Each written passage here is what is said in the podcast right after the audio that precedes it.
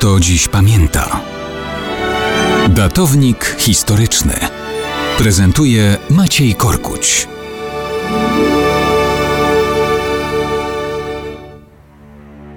Dziesięć lat temu 96 osób na pokładzie polskiego rządowego samolotu zmierzało w stronę Smoleńska i Katynia, aby uczcić pamięć tysięcy ofiar zbrodni NKWD.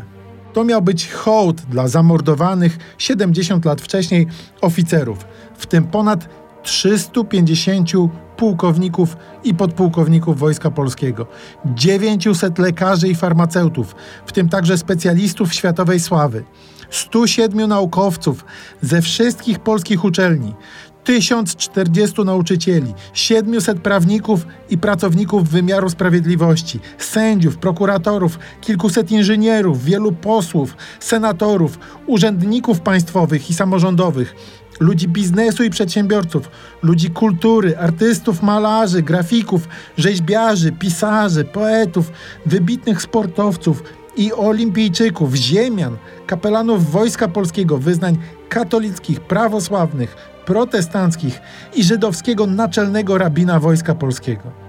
Tysiące policjantów z całej Polski, funkcjonariuszy Straży Granicznej, oficerów Korpusu Ochrony Pogranicza, Straży Więziennej i wielu, wielu innych.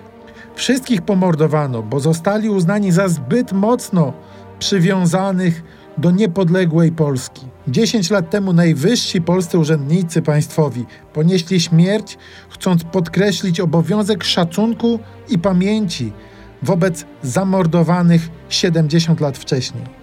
Oni także stamtąd nigdy już nie powrócili.